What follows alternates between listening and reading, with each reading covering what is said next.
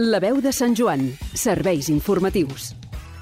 Aquest cap de setmana, Sant Joan de les Abadeses acollirà la tretzena edició dels dos dies trial de Santigosa Clàssic, una prova organitzada pel Motoclub Abadeses que enguany ha batut el rècord de participants i s'hi congregaran un total de 161 pilots, vinguts d'arreu de Catalunya, de l'estat espanyol i també del món, perquè hi haurà corredors anglesos, francesos, italians, escocesos, andorrans i fins i tot un japonès. A banda de la zona de competició, el centre neuràlgic de la prova serà la plaça Major, on s'instal·larà el parc tancat amb totes les motos. Els espectadors podran veure motos de més de 60 anys de marques tan mítiques com BCA o Merlin i d'escuderies espanyoles com Montesa, Bultaco o Ossa. S'espera que la pluja d'aquests dies pugui deixar enfangat el recorregut i complicar el trial per unes motos que tenen unes característiques molt concretes, com explicava Pol Grice, membre del Motoclub Abadesa. Comparades amb el trial modern, doncs seria que pesen molt més, porten freno de tambor a darrere i a davant, porten doble amortiguador a darrere, per tant, fa que la moto no sigui tan àgil, sigui molt més pesada i només amb la categoria expert puguem veure moltes cabrioles que les fan votar que semblen modernes. Són motos que requereixen molt de temps de preparació i diners i que a vegades costa trobar peces per fer-les funcionar. Els pilots faran 20 zones dissabte i 20 diumenge totalment diferents per un circuit de 20 km començant per la zona de Sant Antoni. El primer pilot sortirà a les 9 del matí. Tots els participants tenen 6 hores per completar la prova cada dia. Hi ha un total de 6 categories, pre-65, pre-72, pre-80,